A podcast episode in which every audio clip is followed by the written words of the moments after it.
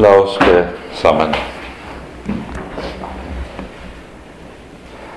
Kjære gode Herre, så er vi kommet sammen på ny i ditt hellige navn for å lytte til dine ord. Takk, Herre, til løftene du har knyttet til ordet ditt, at du selv vil komme til oss og møte oss i og gjennom dine ord.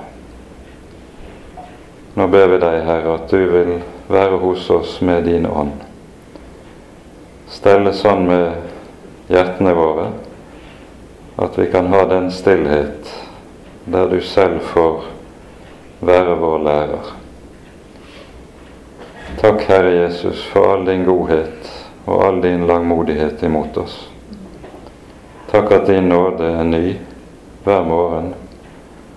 Takk, Herre, at du trofast holder dine små fast alle dager. Amen. Sist gang var vi da altså sammen om eh, fortellingen om Stefanus' martyrium, og der vi også gikk mer eh, inn i en del av omstendighetene rundt dette, og også så litt en del på hva som særlig kjennetegner talen hans. Når vi nå beveger oss inn i det åttende kapittelet, så eh, kommer vi med det også inn på et nytt eh, hovedavsnitt i apostlenes gjerninger og et nytt stadium i utbredelsen av evangeliet. I eh, kapittel 1 vers 8 i Apostlenes gjerninger så sier Jesus til disiplene før sin himmelfart at de skal være hans vitner i Jerusalem og Judea og Samaria og like inn til jordens ender. Frem til nå har vi utelukkende hørt om eh, apostlenes virksomhet og forkynnelse av evangeliet i Jerusalem. Nå går evangeliet videre til Judea og til Samaria. Og eh, det er dette avsnittet vi kommer til å konsentrere oss om i dag. Eh, og vi leser da fra vers 1 til og med vers 25 i sammenheng nå innledningsvis. Saulus samtykket i mordet på Stefanus. Samme dag brøt det løs en stor forfølgelse mot menigheten i Jerusalem, og alle unntatt apostlene ble spredd utover bygdene i Judea og Samaria. Men noen gudfryktige menn begravet Stefanus og holdt en stor vedklage over ham. Men Saulus herjet menigheten. Han trengte inn i hus etter hus og slepte ut både menn og kvinner og fikk kastet dem i fengsel. De som nå var blitt spredd, dro omkring og forkynte evangeliets ord. Philip kom da ned til en by i Samaria og forkynte Kristus for dem. De ga alle akt på det som var sagt av Philip da de hørte og så de tegn han gjorde. For det var mange som hadde urene ånder, og de for ut av dem med høye skrik. Og mange vannføre og lamme ble helbredet. Og det ble stor glede der i byen. Men en mann som heter Simon, hadde fra før av vært i byen og drevet trolldom. Og han hadde satt folket i Samaria i stor undring. Han utga seg selv for å være noe stort, og alle, både små og store, lyttet til ham, og de sa, Han er Guds kraft som kalles Den store. De ga akt på ham fordi han i lang tid hadde satt dem i undring ved trolldomskunstene sine. Men da de nå trodde Philip, som forkynte dem evangeliet om Guds rike og Jesu Kristi navn, så lot de seg døpe, både menn og kvinner. Og Simon tok ved troen, han òg.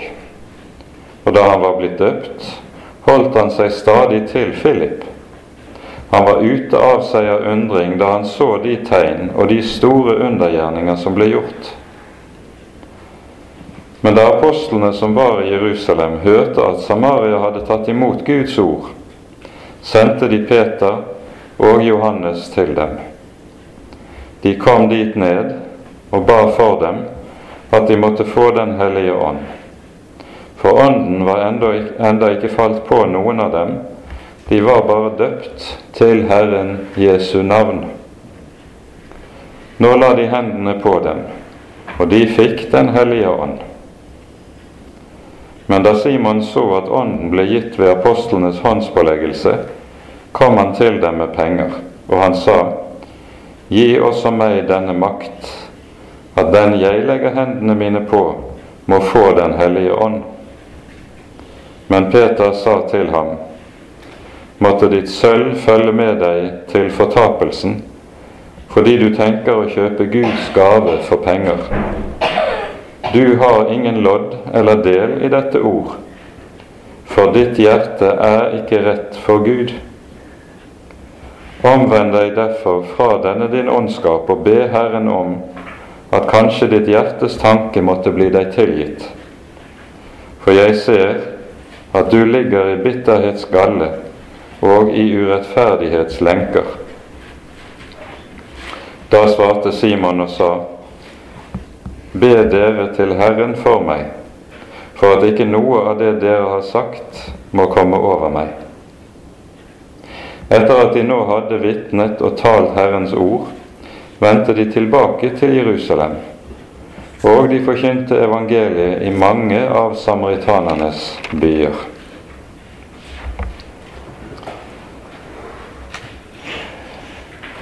Dette kapitlet slutter seg altså til det vi hørte sist gang om Stefanus' martyrium. Det var, som vi pekte på sist, en eh, viss forskjell på det at Peter og Johannes var kalt sammen, eller eh, innbakt for Det høye råd for sitt vitnesbyrd om Jesu oppstandelse, og det som skjer med Stefanus.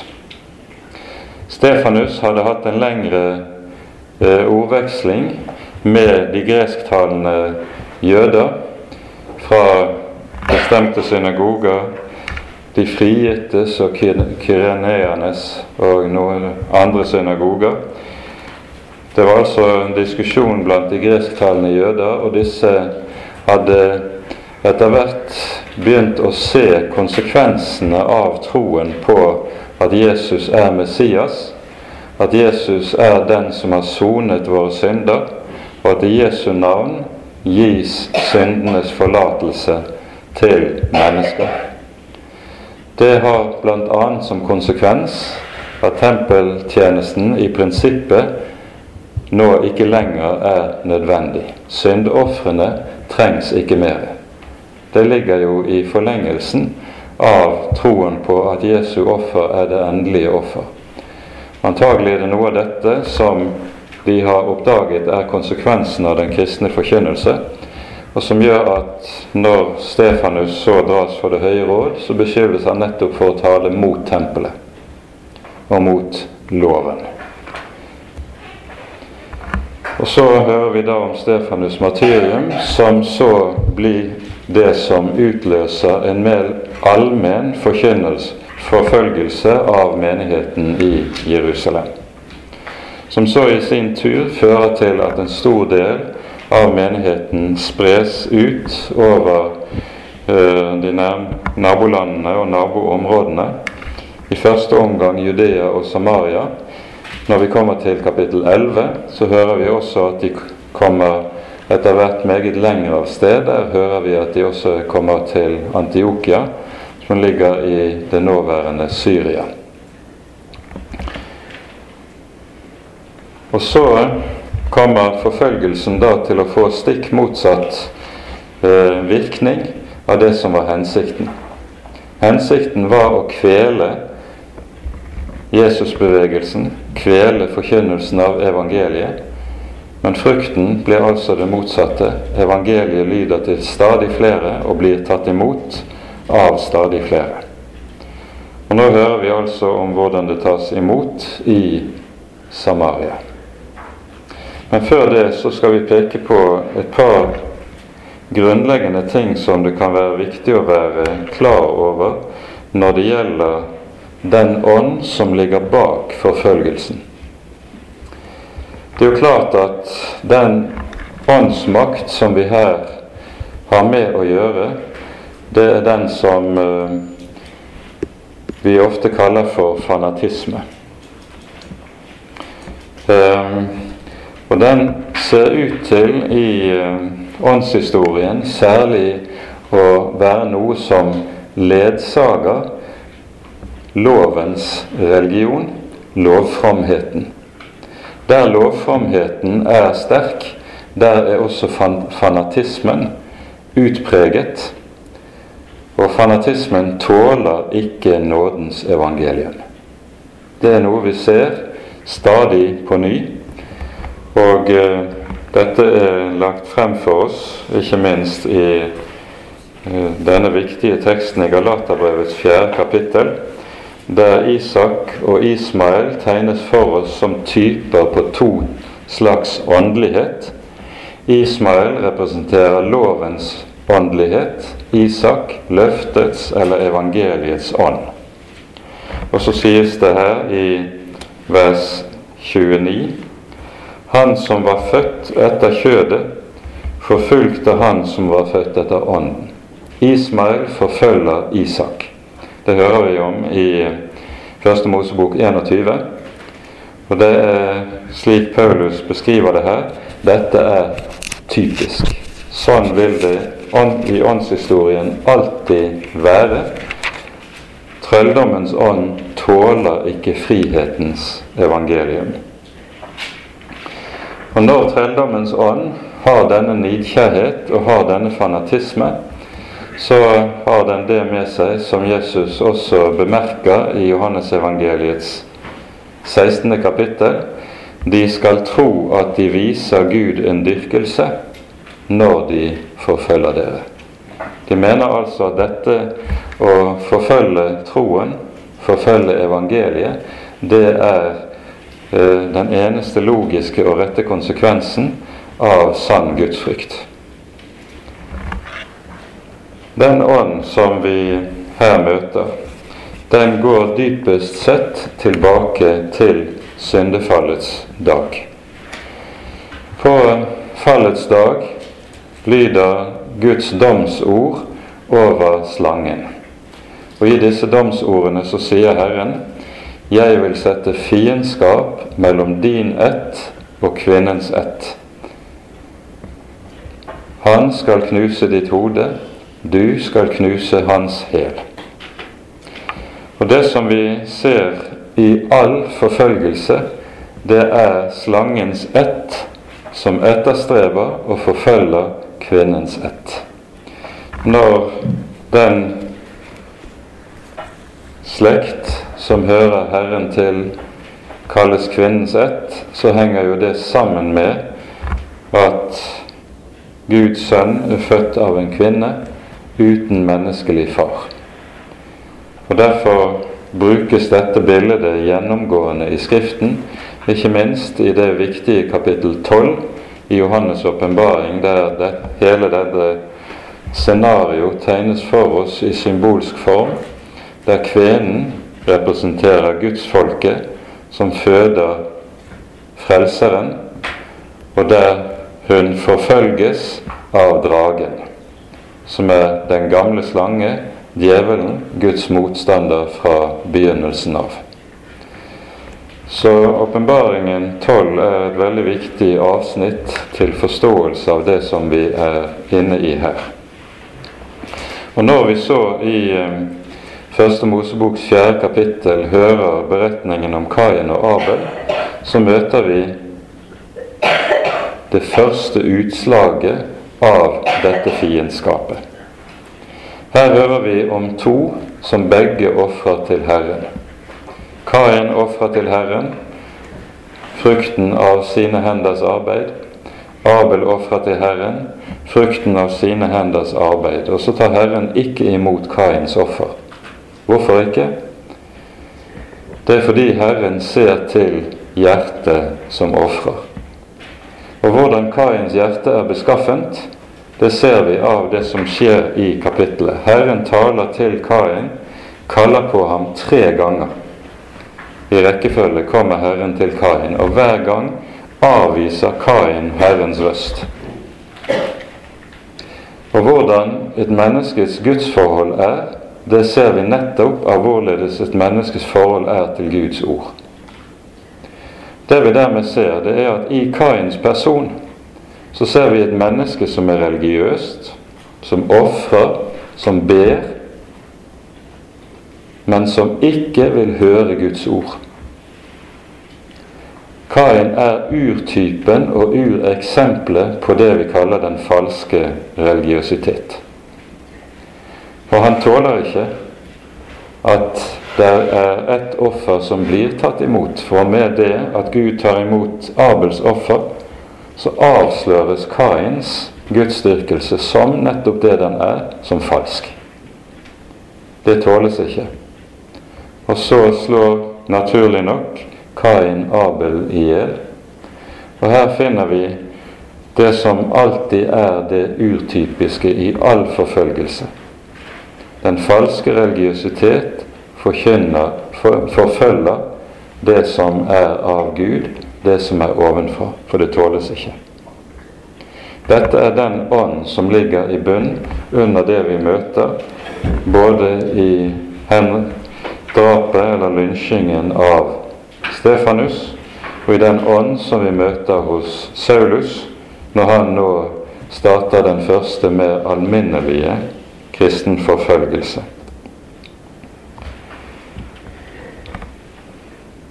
Den typen fanatisme som vi her står overfor, den er dypt fremmed for Den hellige ånd. Den hellige ånd arbeider aldri på en slik måte at den tvinger mennesker. Den hellige ånd arbeider aldri på en slik måte at den bruker vold mot mennesker. Det som kjennetegner Åndens gjerning, er at når han arbeider, så arbeider han gjennom overbevisningens makt på hjertene. Når han kommer sannhetens ånd, skal han overbevise, sier Jesus. Og Ånden overbeviser gjennom at han lar et bestemt budskap lyde.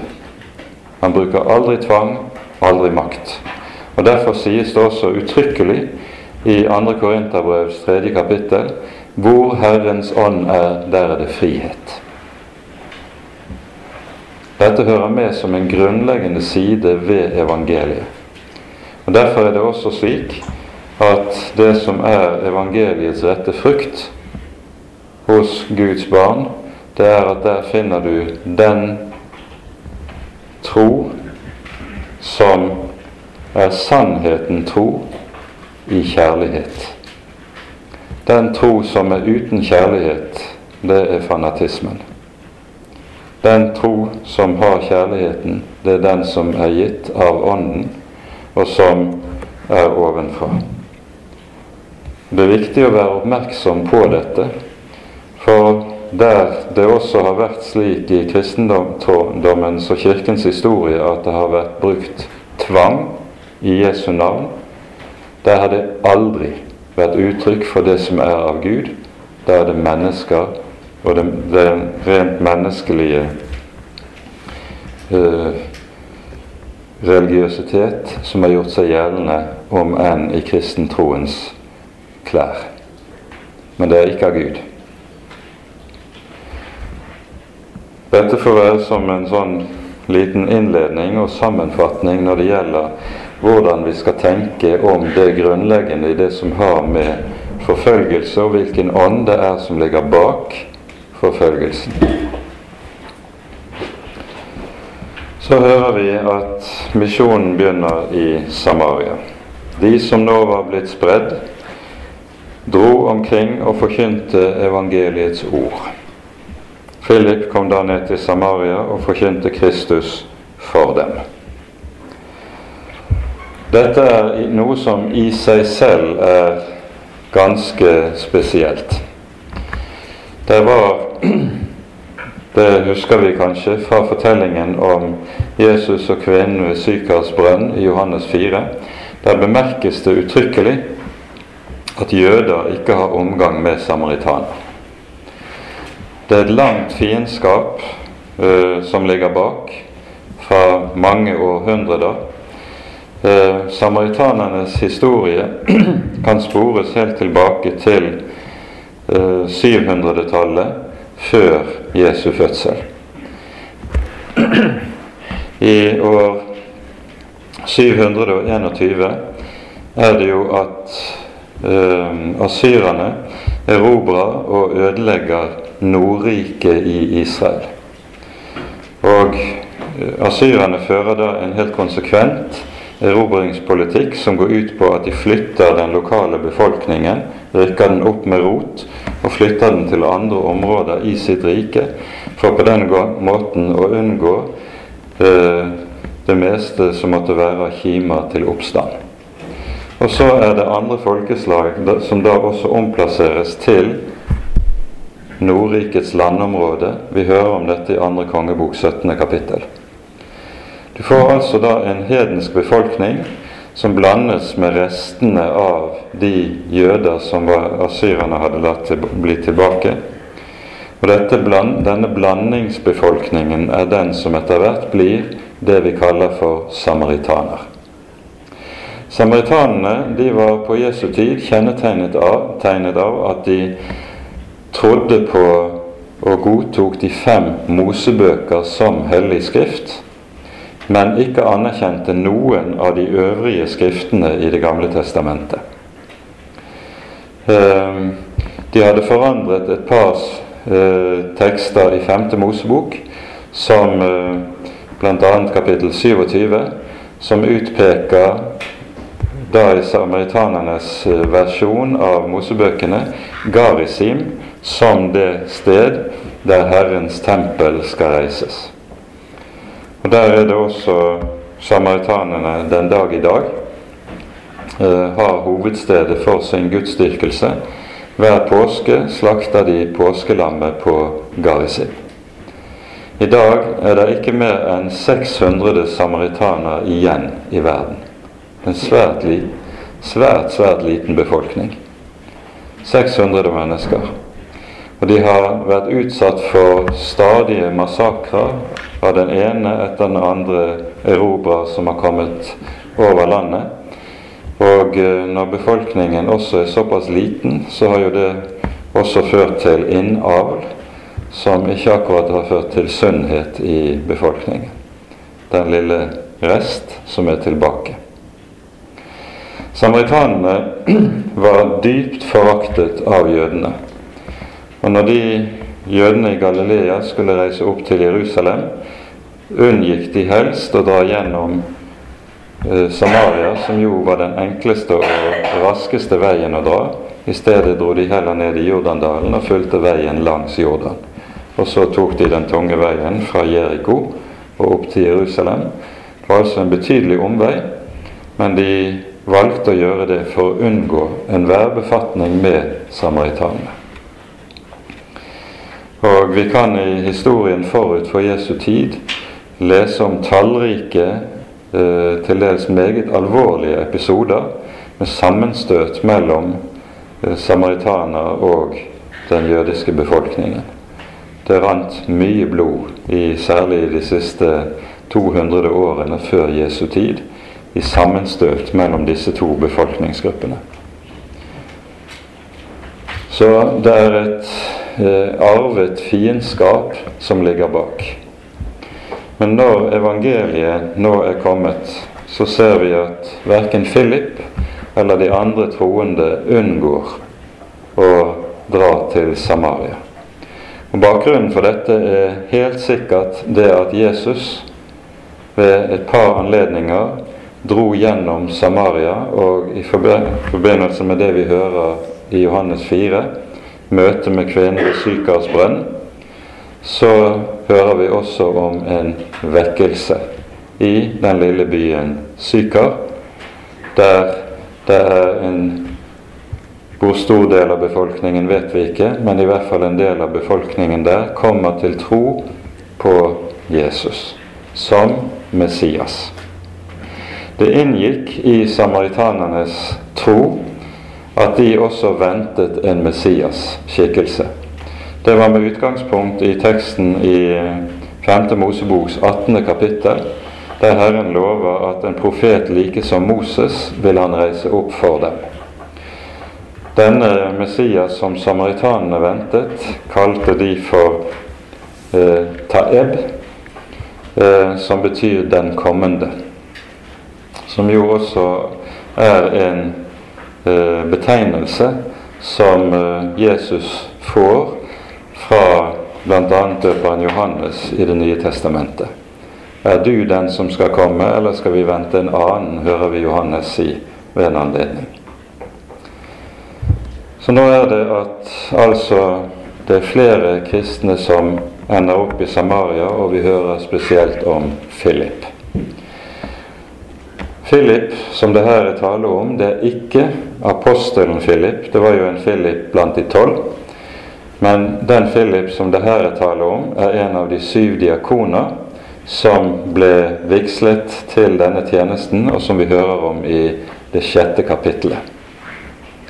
Like som Stefanus er Philip en aktiv vitne, et aktivt vitne, en som aktivt evangeliserer og bringer budskapet om Jesus videre. Og like som med Stefanus så hører vi at hans forkynnelse ledsages av tegn og av under. Det vi da skal legge merke til, er kanskje særlig to ting. det er at um, det sies om forkynnelsen at Philip forkynte Kristus for dem. Det skjer tegn og under som ledsager forkynnelsen, men vi legger merke til det sies ikke at det forkynnes om tegn og under. Her skiller det som sies om eh, forkynnelsen seg meget fra det som skjer innen store deler av moderne karismatikk. Der det nettopp forkynnes om tegn og under i lange baner, mens budskapet om Jesus, hvem han er og hva han har gjort for vår skyld og til vår frelse, det er i beste fall noe som er et bakteppe og kanskje bare nevnes i forbifarten. For det som vekker interessen, det er nettopp den sensasjon man kan uh, skape med alt snakket om tegn og under som disse åndsfylte apostlene skal kunne stå som eksponenter for.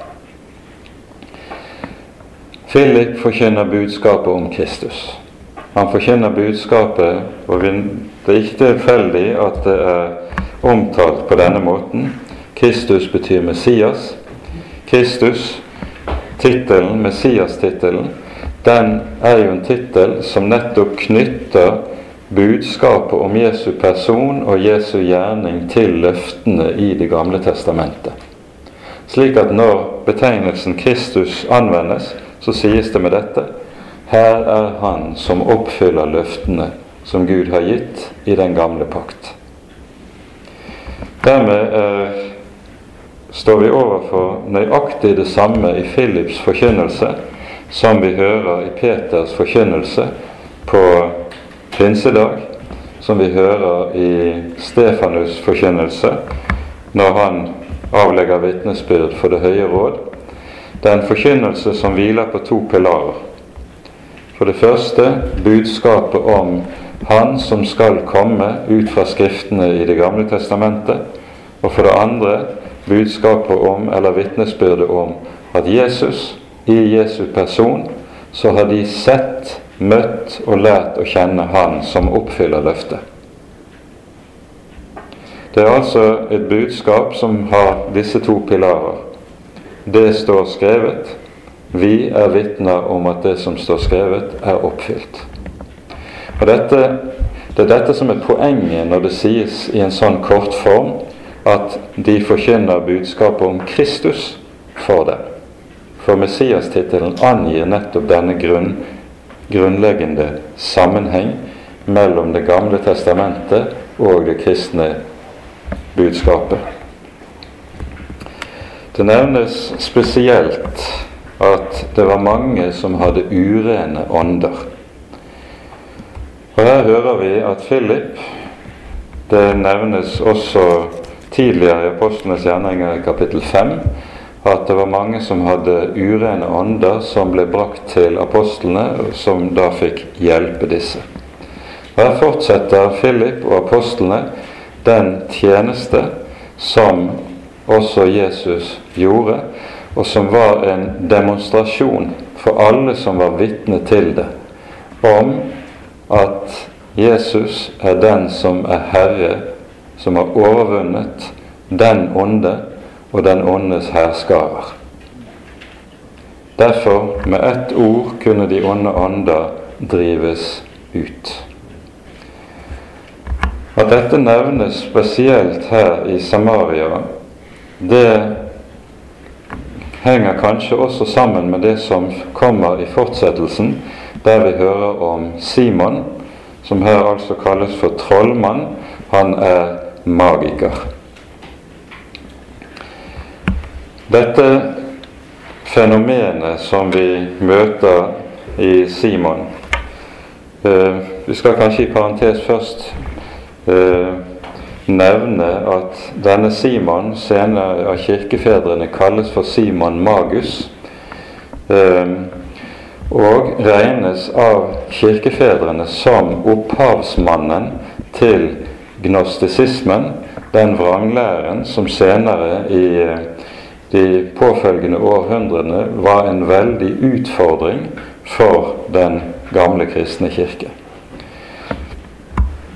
Det er høyst sannsynlig neppe historisk korrekt, men han er en ut, urtype for dette. For en del av det vi møter i antydningene rundt Simon, det møter vi også som en del av verdensbildet i gnostisismen. Det er et eh, i vesentlig grad magisk verdensbilde. Vi skal ikke komme inn på det i detalj, men det som vi her da møter hos Simon Mageren, eller Simon Magus, det er for første gang i apostlenes gjerninger det okkulte. Dette er noe som vi møter ved flere anledninger senere i apostlenes gjerninger. Vi hører i kapittel 13, når Paulus på sin første misjonsreise er på Kypros og eh, forkynner evangeliet for landshøvdingen der, Der kommer det en mann som heter Bar-Jesus, som eh, eh, prøver å baktale og stanse apostlenes forkynnelse. Apostelen Paulus taler ham skarpt til rette, og på Paulus ord så blir denne bar Jesus blind, som en Guds dom over ham. Senere i kapittel 16, når Paulus er Filippi, hører vi også om en kvinne som hadde en spådomsånd som drives ut av Paulus. Og Dette blir årsak til at Paulus dras for retten, for disse som eide denne trellkvinnen som hadde spådomsånden, de tjente gode penger på henne men nå ville de tape sin fortjeneste. Og så i eh, apostelgjerningenes 19. kapittel, der hører vi i eh, Efesos om Paulus virke der, at eh, i dette Paulus virke så inngår det også eh, en tilsvarende kamp mot disse okkulte krefter som får til følge at evangeliet får et veldig gjennomslag, og så står det at alle de som hadde drevet svarte kunster, kom med sine bøker og brente disse på torget. Og disse Verdien på disse bøkene står også angitt. Det var ikke en liten verdi. Så vi møter her det okkulte. for første gang i apostlenes gjerninger. Og Det som da er viktig å være oppmerksom på, er at når vi står overfor det okkulte, så står vi også overfor en type fenomener som for det første er på det aller strengeste forbudt i Bibelen. Å befatte seg med dette er brudd på det første bud, slik som vi hører det i Mosebøkene. Eh, og Derfor ligger det helt konsekvente forbud mot alt som har med spådomskunst og magi å gjøre. Det andre som hører til dette, er at der et menneske gir seg inn i den slags, der kommer et menneske også under herredømme av disse onde åndskrefter på en måte som er meget farlig, og som også kan lede til det fenomenet som Det nye testamentet kaller for besettelse. Det å befatte seg med disse krefter er ikke ufarlig. Det fører mennesker inn under herredømme av dette. Og Derfor er det også at Bibelen så skarpt drar en grenselinje Rett og slett for å bevare Guds folk mot å komme under innflytelse av og under herredømme av den slags makter som det her er tale om. Her er Bibelens verdensbilde grunnleggende forskjellig fra det verdensbildet det moderne mennesket opererer med. Det moderne mennesket opererer med et verdensbilde der bare det eksisterer som vi kan se og ta og føle på, altså den materielle virkelighet. Bibelen lærer oss at det også er en usynlig virkelighet, der åndsmakter er virksomme, og der disse åndsmakter enten er slike som er av Gud, dvs. Si englene, eller kommer nedenfra, dvs. Si de onde ånder. Og for Guds folk er det viktig å ha klart for seg denne realitet som det moderne mennesket nok ikke regner med, men som likevel er helt reelt og virkelig til stede.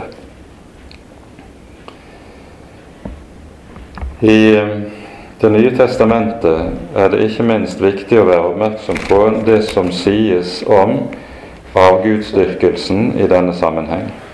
I kapittel 10 i eh, Første Korinterbrev skriver Paulus noen ord som er uhyre sentrale eh, når det gjelder det som vi kaller for religionsteologien.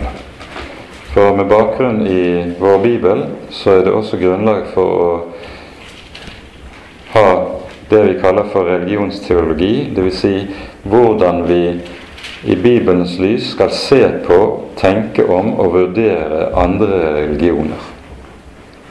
Det handler da nemlig ikke bare om rent læremessige forhold som er forskjellige, at vi tenker og lærer annerledes enn det som er tilfellet i andre religioner, men det har også med åndsmakter å gjøre. Vi leser fra vers 14 av i 1. Korinterbrev kapittel 10. Derfor, mine kjære, vend dere bort fra avgudsdyrkelsen. Jeg taler til dere som til forstandige mennesker. Døm selv om det jeg sier. Og så nevnes nadværen. Velsignelsens beger, som vi velsigner, er ikke det samfunn med Kristi blod? Brødet som vi bryter, er det ikke samfunn med Kristi legeme? Fordi det er ett brød, er vi ett legeme, enda vi er mange for vi har alle del i det ene brød. Se til Israel etter kjødet. Har ikke de som eter ofrene, samfunn med alteret? Hva vil jeg da si med dette? At det er noe avgudsoffer til? Eller at det er noen avgud til? Nei, men at det som hedningene ofrer, det ofrer de til onde ånder, og ikke til Gud. Men jeg vil ikke at dere skal komme i samfunn med onde ånder. Dere kan ikke drikke av Herrens beger og onde ånders beger. Dere kan ikke ha del i Herrens bord og i onde ånders bord. Eller tør vi egge Herren til nidkjærhet? Vi er vel ikke sterkere enn Han? Det Paulus her altså peker på, det er at det finnes ingen avgud. Bibelen er helt konsekvent og absolutt i sin monoteisme. Djevelen er ingen gud. Han er heller ingen avgud. Djevelen er en skapning som har gjort opprør mot Gud, men han er ingen gud. Han er ikke av evighet. Og Her skiller jo Bibelen sier bl.a. fra svært mange andre religioner som en kan finne i verden, der en opererer med både en evig guddom og en evig motgud, eller at både det onde og det gode er noe som er fra evighet og til evighet. Mye av Østens religioner beveger seg på det planet, der det som jo er da det ideale, er å finne den rette balanse. Balansen mellom yin og yang, f.eks., som du har i kinesisk eh, taoi og i taoistisk religion osv. Tankegangen er denne at det onde og det gode er begge deler av evighet. Sånn tenker Bibelen aldri. Heller ikke er det noen motgud som er evig. Djevelen er en skapning som har gjort opprør mot Herren, og en dag skal Gud gjøre slutt på det onde. Det onde er ikke evig. Og Dette er en vesentlig side ved det kristne håp. Så Paulus sier altså det finnes ingen avgud. Hva er det da for åndsmakter man har med å gjøre i hedenskapet? Det er ikke guder, men det er onde ånder som står bakom dette. Det er onde åndskrefter man har med å gjøre. Og Derfor er det at når evangeliet kommer i konfrontasjon med hedenskapet, så vil du alltid stå overfor åndskamp i ordets rette og egentlige forstand. Og i slik åndskamp er det ikke sjelden at nettopp besettelsesfenomenet dukker opp fordi dette har som sitt særlige kjennetegn et voldsomt fiendskap mot Jesus og mot evangeliet. Det hører vi i evangeliene også, hvordan nettopp møtet med Kristi person det var noe som utløste de til dels voldsomste reaksjoner blant de ulykkelige mennesker som var besatte. Besettelse hensetter mennesket i en forferdelig og dypt, dypt ulykkelig tilstand. Det er et fangenskap som fører mennesket inn i et forferdelig mørke. Og det å fris fra dette fangenskap, det betyr for et menneske å komme fra mørke til lys. Det betyr å komme fra trelldom til frihet. Det betyr å komme fra djevelens makt inn i Guds barns herlighetslys. Det er det som er den store forskjell. Det er ingen liten forskjell som det er tale om i denne sammenheng. Det er viktig å være oppmerksom på dette i våre dager. Idet vi møter denne ånd som kommer nedenfra, djevelens ånd, særlig på to områder i samfunnslivet. For det første har det i Vestens kultur de siste 50 år vært slik at det vi kaller for nyreligiøsiteten, New Age-religiøsiteten, har vært uttalt okkult i sin engasjement og har åpnet opp døren for en del av disse mørke krefter som er så farlige som de faktisk er. For det andre møter vi nå i økende utstrekning den åndsmakt som finnes i islam, og der det også er tale om en ond åndsmakt som står bak. Dette må sies, selv om det absolutt ikke hører med til det som verken er politisk korrekt eller hører til toleransens ideologi i dagens samfunn. Men det er en djevelsk åndsmakt bak islam. Og Derfor ser vi også at islam har vært kjennetegnet av, helt fra første stund av, et voldsomt fiendskap mot kristen tro. Der kristne ikke har vært slaktet ned i islams navn, navn der har de vært undertrykt og forfulgt, og slik har det vært helt fra 600-tallet og frem til vår egen tid. Rent historisk så er det slik at forfølgelsene under islam de tok en pause på 1800-tallet under kolonitiden. Da kom de gamle islamske land under europeisk herredømme og ble europeiske kolonier. Da var kristenforfølgelsen forbudt. Da fikk de kristne lov til å bygge kirker igjen. De kristne fikk lov til å eksistere i frihet. De var ikke undergitt Dimmi-lovgivningen lenger.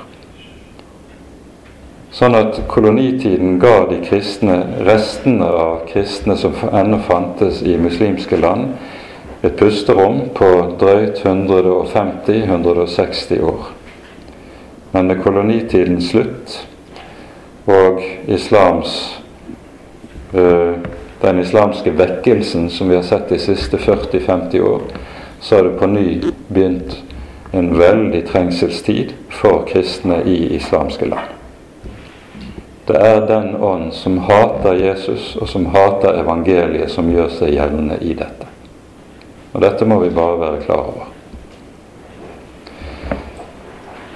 Det er kanskje en lang vei fra Simon Mageren til det vi nå taler om, men det er nødvendig å si det, at dette her har vi med åndskrefter å gjøre, som ikke kun lar seg håndtere med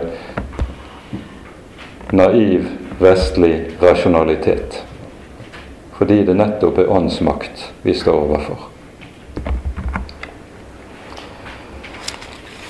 Denne Simon Magus, står det, han kom også til tro og ble døpt. Det kan synes underlig ut fra det som vi hører ellers her i kapittelet, men han har antagelig da fått en overbevisning om at Jesus er den lovede Messias. Men han har tydelig ikke forstått evangeliet. Det er noe som enda ikke riktig har nådd inn. Noe som avsløres gjennom det som da skjer når apostlene Peter og Johannes kommer ned til Samaria på visitas. Og så står vi overfor her en beretning som har blitt kilde til tallrike vann eh, avveier, tror vi kanskje får si. Da apostlene som var i Jerusalem, hørte at Samaria hadde tatt imot Guds ord, sendte de Peter og Johannes til dem. De kom dit ned og ba for dem at de måtte få Den hellige ånd, for ånden var ennå ikke falt på noen av dem. De var bare døpt til Herrens Jesu navn. Nå la de hendene på dem, og de fikk Den hellige ånd. Det er særlig to retninger i kristenheten som har bygget en lære på dette. Det ene er Den katolske kirke, som skiller vanndåpen fra åndsdåpen. I det det tenkes slik innenfor romersk-katolsk teologi at inn i vanndåpen så frelses et menneske og fris et menneske fra arvesynden. Og så senere får det Den hellige ånd under den eh, seremoni eh, som kalles for krismingen eller konfirmasjon. Man har altså skilt vanndåpen og åndsdåpen fra hverandre. Tilsvarende ser vi samme innenfor pinseteologien, der en også mener at vanndåpen og åndsdåpen er to forskjellige ting. Dette er jo noe som går rakt i strid med det vi ellers hører i Det nye testamentets læreutsagn om dåpen, og hva vi ellers får i dåpen. Det sies uttrykkelig i en rekke av de læreutsagn som vi finner i Det nye testamentet om dåpen, at Ånden gis i og med vanndåpen. Det står, sies av Peter allerede på pinsedagen i apostelgjerningene 2, og vi hører også det samme i 1. Korinterbrev kapittel 12 at vanndåpen formidler Den hellige ånds dåp. Så dette kan ikke skilles. Men da reiser med en gang spørsmålet seg hvorfor er det her da et skille mellom vanndåpen og det at Den hellige ånd meddeles? Jeg tror den beste forklaringen til dette ligger i nettopp programordet for apostelgjerningene som vi finner i kapittel 1 vers 8, og som vi allerede har sitert. Jesus sa, 'Dere skal være mine vitner i Jerusalem, og så i Judea, Samaria og like til jordens ender'. Det som er poenget, er at vi ser at for hvert stadium som hvert nytt stadium som evangeliet utbrer seg, så gis Den hellige ånd på ekstraordinært vis første gang så skjer. Når de første samaritaner altså døpes, tar ved den kristne tro og legges til den kristne menighet, da stadfestes det av Gud ved at Han gir Den hellige ånd på ekstraordinært vis.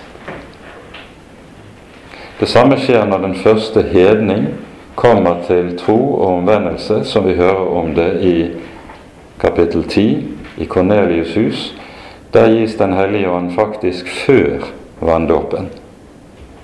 Der det sies at Den hellige ånd falt på alle dem som hørte ordet i evangeliet. Men etter at dette har skjedd,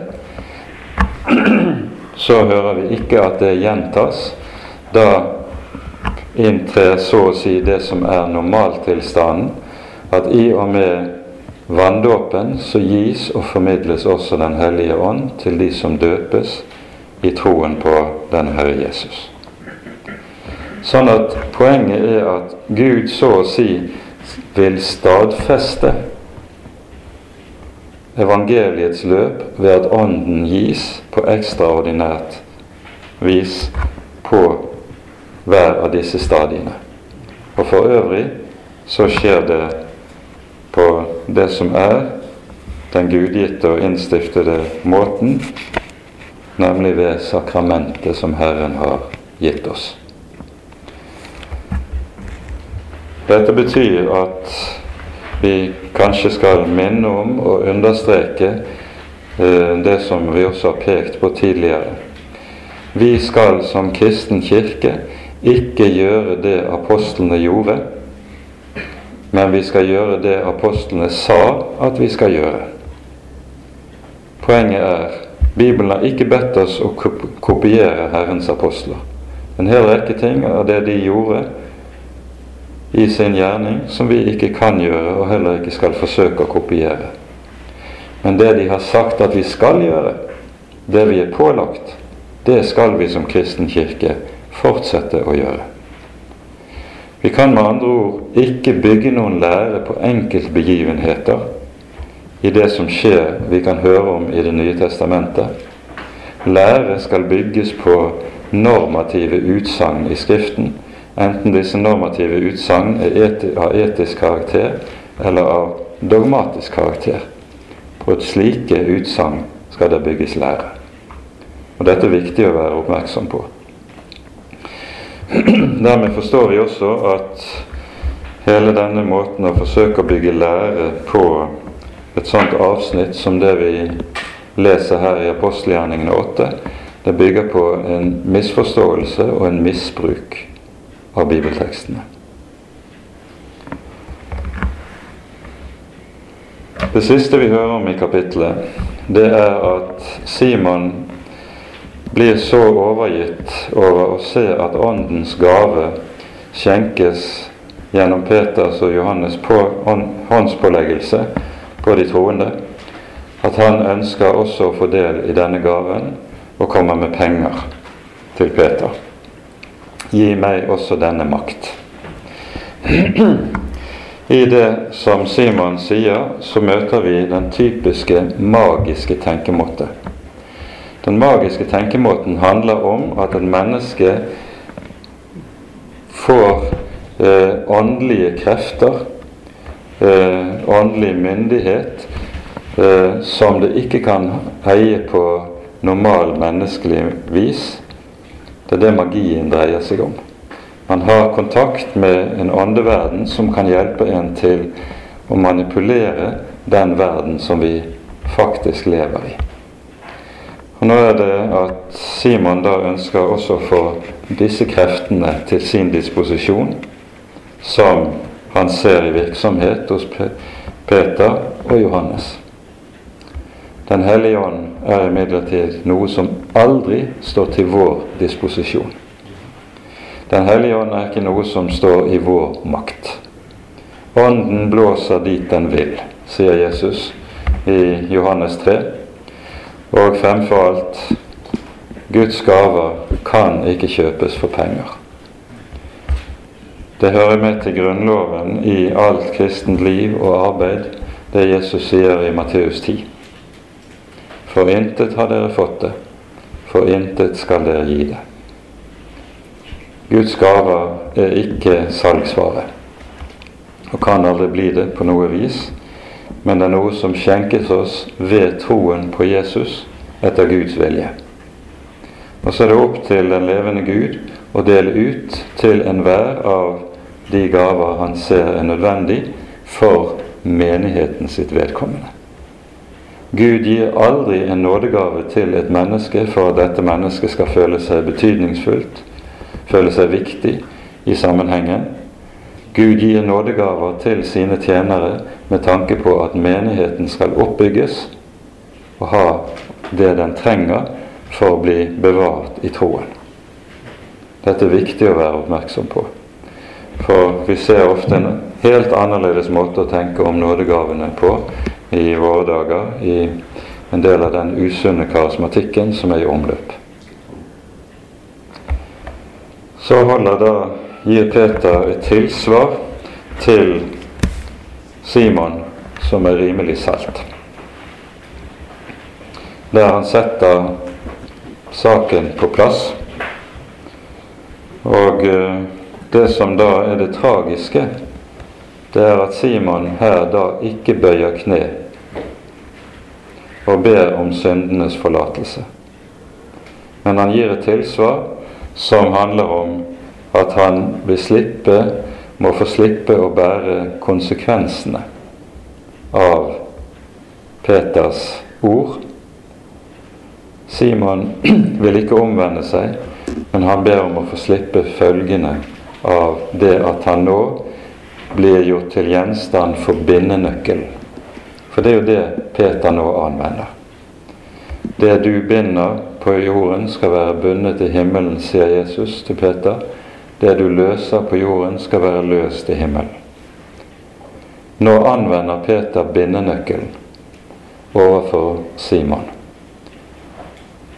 Det er dypt alvorlig, for det betyr at han berøves Guds velsignelse og underlegges forbannelsen dersom han ikke vender om.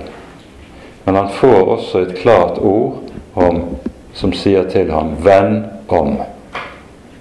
Skift sinn. Det er jo det ordet omvendelse betyr her. Det betyr å skifte sinn. Det er et annet sinn enn dette sinnet som handler om å få åndelig makt. Det, det dreier seg om.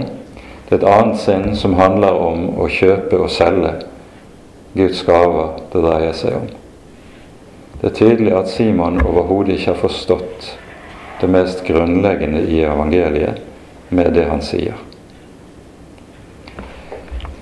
Derfor er det også sånn at denne, dette til ordet som Simon så kommer med og sier be, be dere til Herren for meg, for at ikke noe av det dere har sagt, må komme over meg. Det ligner så å si Kains ord etter at Gud har felt sin dom over Kain. Kains ord det er også bare et ord der han ber om å få slippe å bære de tunge konsekvenser av det han har gjort. Han ber ikke om frelse fra sin synd. Han ber ikke om syndenes forlatelse. Og det ber heller ikke Simon om her. Det skal vi legge merke til. Han ber ikke om syndenes forlatelse, og derfor er det ingen omvendelse i Simons ord, slik vi hører det her. Og Med dette så slutter dette avsnittet der evangeliet nå har begynt å lyde utenfor Jerusalem, har begynt å lyde for ikke-jøder. Og Dette fortsetter i neste avsnitt, der vi hører om den etiopiske hoffmann. Det har vi ikke tid til å gå inn i i dag. Ære være Faderen og Sønnen og Den hellige ånd, som var og er og være skal en sann Gud, høylovet i evighet. Amen.